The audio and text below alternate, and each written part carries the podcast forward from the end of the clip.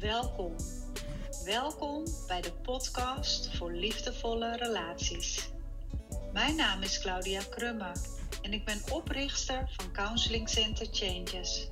Ik begeleid mannen en vrouwen bij relatie- en liefdesverslavingen. Ik ondersteun mensen bij het loskomen van verslavende relaties, verlatingsangst, bindingsangst en codependency. Goedemorgen luisteraars, welkom bij deze zondagse podcast. Ik wil het deze week ehm, met je hebben over, over de toegangspoort van verdriet, leegte, eenzaamheid naar vreugde, liefde, fijne gevoelens. En um, ik ben erachter gekomen in mijn zoektocht de afgelopen twintig jaar. Um, dat onder elk gevoel van verdriet, leegte of eenzaamheid ook weer vreugde en liefde ligt. En um, ja, dat is een heel mooi inzicht, omdat ik dus weet inmiddels dat ik niet weken of dagen of misschien zelfs uren, um, hoeft te lijden aan dat soort gevoelens. Want uh, ik heb geleerd dat wanneer ik door de leegte of de eenzaamheid heen breek, en dat doe ik door middel van um, tranen. Ze zeggen wel eens tranen zijn de smeltwater van, het, van de ziel.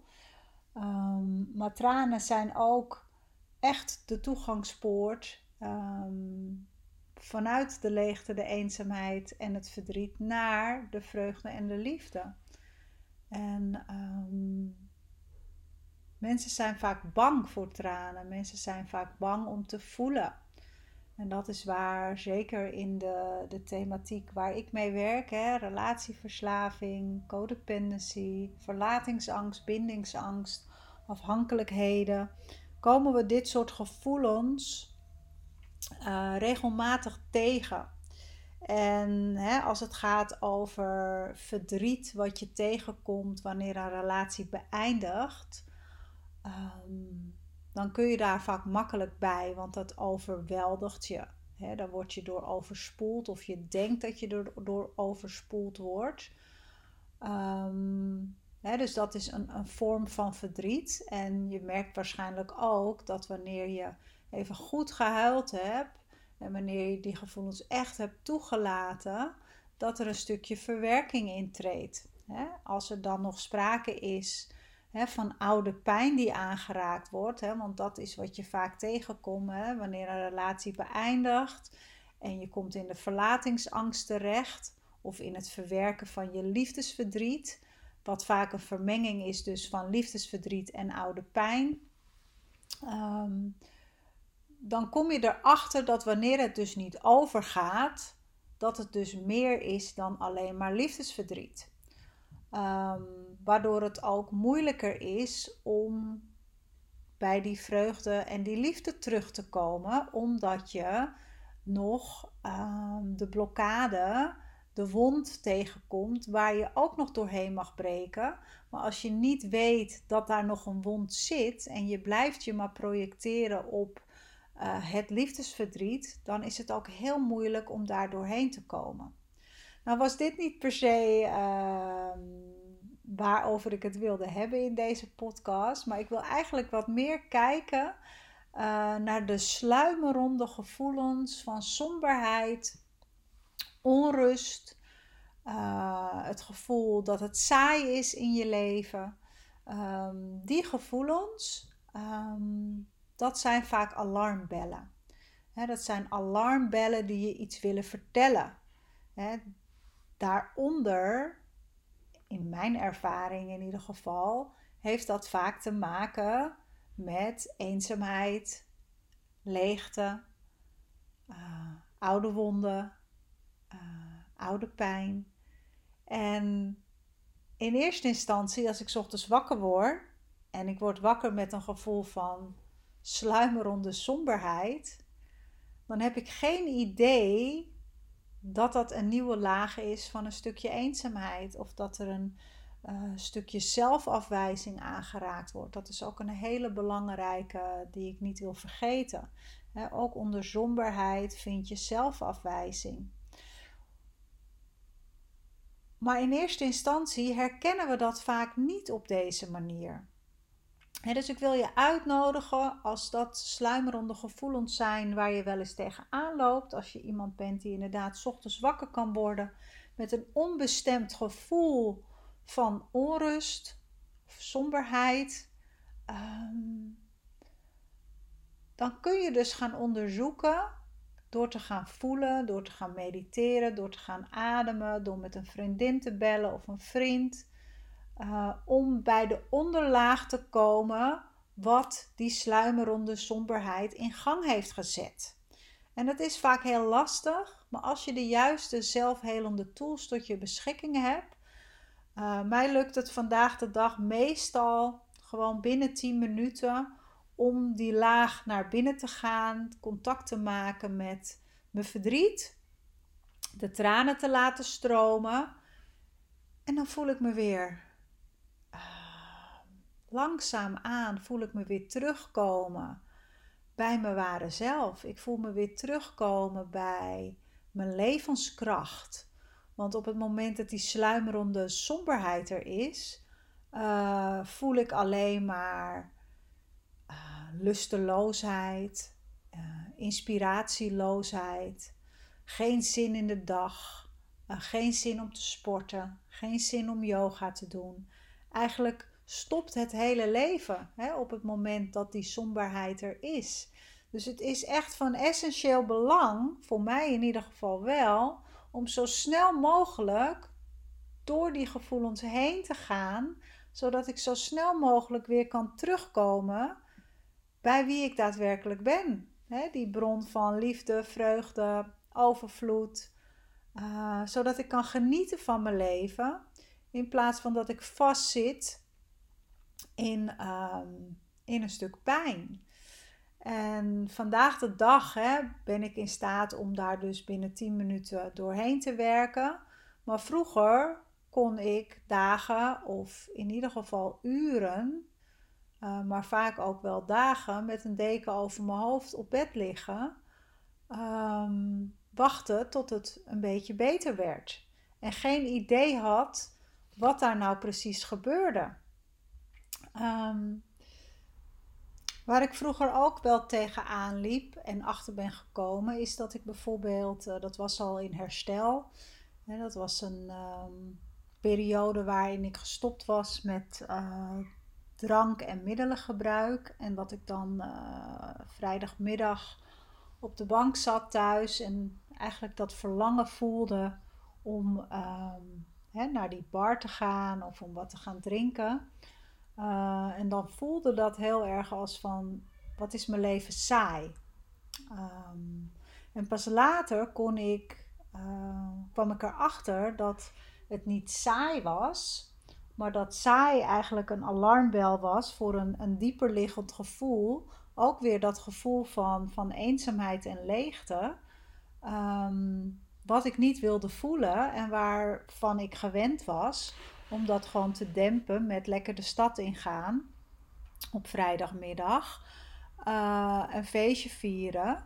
En dan uh, ja, hoefde ik dat natuurlijk niet te voelen. En dat doen denk ik heel veel mensen omdat we niet in staat zijn om die laag dieper, dat, dat willen we niet voelen. Dat doet pijn, dat geeft onrust, dat is geen lekker gevoel. Hè? Dus we doen er alles aan om maar bij leegte en eenzaamheid weg te gaan. En um, ja, Wat ik ook belangrijk vind is, en waar ik achter ben gekomen, ook in herstel, hè, toen ik uh, inmiddels al uh, verschillende verslavingen achter me had liggen, was dat het dus niet gaat over datgene wat er gebeurt in je leven, wat ervoor zorgt um, hè, dat die leegte of die eenzaamheid aangeraakt wordt, maar dat het een trigger is die datgene wat al in jou zit uh, naar boven laat borrelen. En dat het dus tegelijkertijd ook ehm, gaat over een stukje spirituele fitheid of emotionele fitheid, of hoe je het dan ook wil weer noemen, um, die ervoor kan zorgen dat je weer terugkomt bij die liefde en die vreugde. En dat dat dus niet te maken heeft met de omstandigheden. En natuurlijk, hè, dan kom ik weer even terug op ehm, hè, het voorbeeld van wanneer je relatie verbreekt. Natuurlijk is er dan gewoon pijn en verdriet en dat is, hè, hoort bij de verwerking. Maar dat is eigenlijk niet de pijn en het verdriet waarover ik het heb. Ik heb het echt over de pijn en het verdriet wat veel dieper liggend in je systeem zit en wat door middel van triggers uh, naar boven wordt gebracht. En dat wij als mensen er alles aan doen om dat er maar onder te houden, om die realiteit van die gevoelens te onderdrukken. Um, terwijl ze eigenlijk een uitnodiging zijn um, om je zelfliefde uh, weer te verdiepen. Om weer die plek te vinden, hè, die bron uh, van vreugde en liefde die we, die we eigenlijk allemaal zijn. Maar het is niet altijd even makkelijk. En we weten vaak ook niet wat er speelt. We leren dit ook niet op school. We leren niet uh, dat wanneer we gevoelens voelen, dat wanneer we huilen, dat het zich dan klaart. En dat je dan weer hè, bij, bij een, een, een, nieuwe laag van vreugde en liefde kan komen. Dat leren we helaas niet op school. Um, dus het is belangrijk dat er inmiddels wel andere mensen zijn in deze wereld die ons daar bewust van maken. Um, ik ben in ieder geval heel blij dat ik ooit bewust ben geworden van dit proces. Uh, en ik pas het nog steeds regelmatig toe. Uh, want het leven gaat gewoon door en er is altijd meer. Um, toevallig zei mijn ex vorige week in zijn podcast: een bodem is nooit diep genoeg. Er is altijd een diepere bodem en dat gaat eigenlijk weer over iets anders. Dat gaat over het raken van je bodem. Uh, wanneer je met een verslaving kampt, en of dat nou gaat over relatieverslaving of middelenverslaving, dat maakt eigenlijk niet uit want ik zeg wel eens van wanneer is het nou genoeg? Hoeveel rondjes wil je nog lopen? Um, en dan zeggen mensen inderdaad, ja, ik heb mijn bodem waarschijnlijk nog niet geraakt. Maar weet dat er altijd een diepere bodem is. Uh, dus dat je hem ook eigenlijk niet hoeft te raken. In die zin. Uh, want er is altijd meer. En dat is met dit ook het geval. Uh, er is altijd nog een dieper liggende wond. En er is altijd meer eenzaamheid en leegte.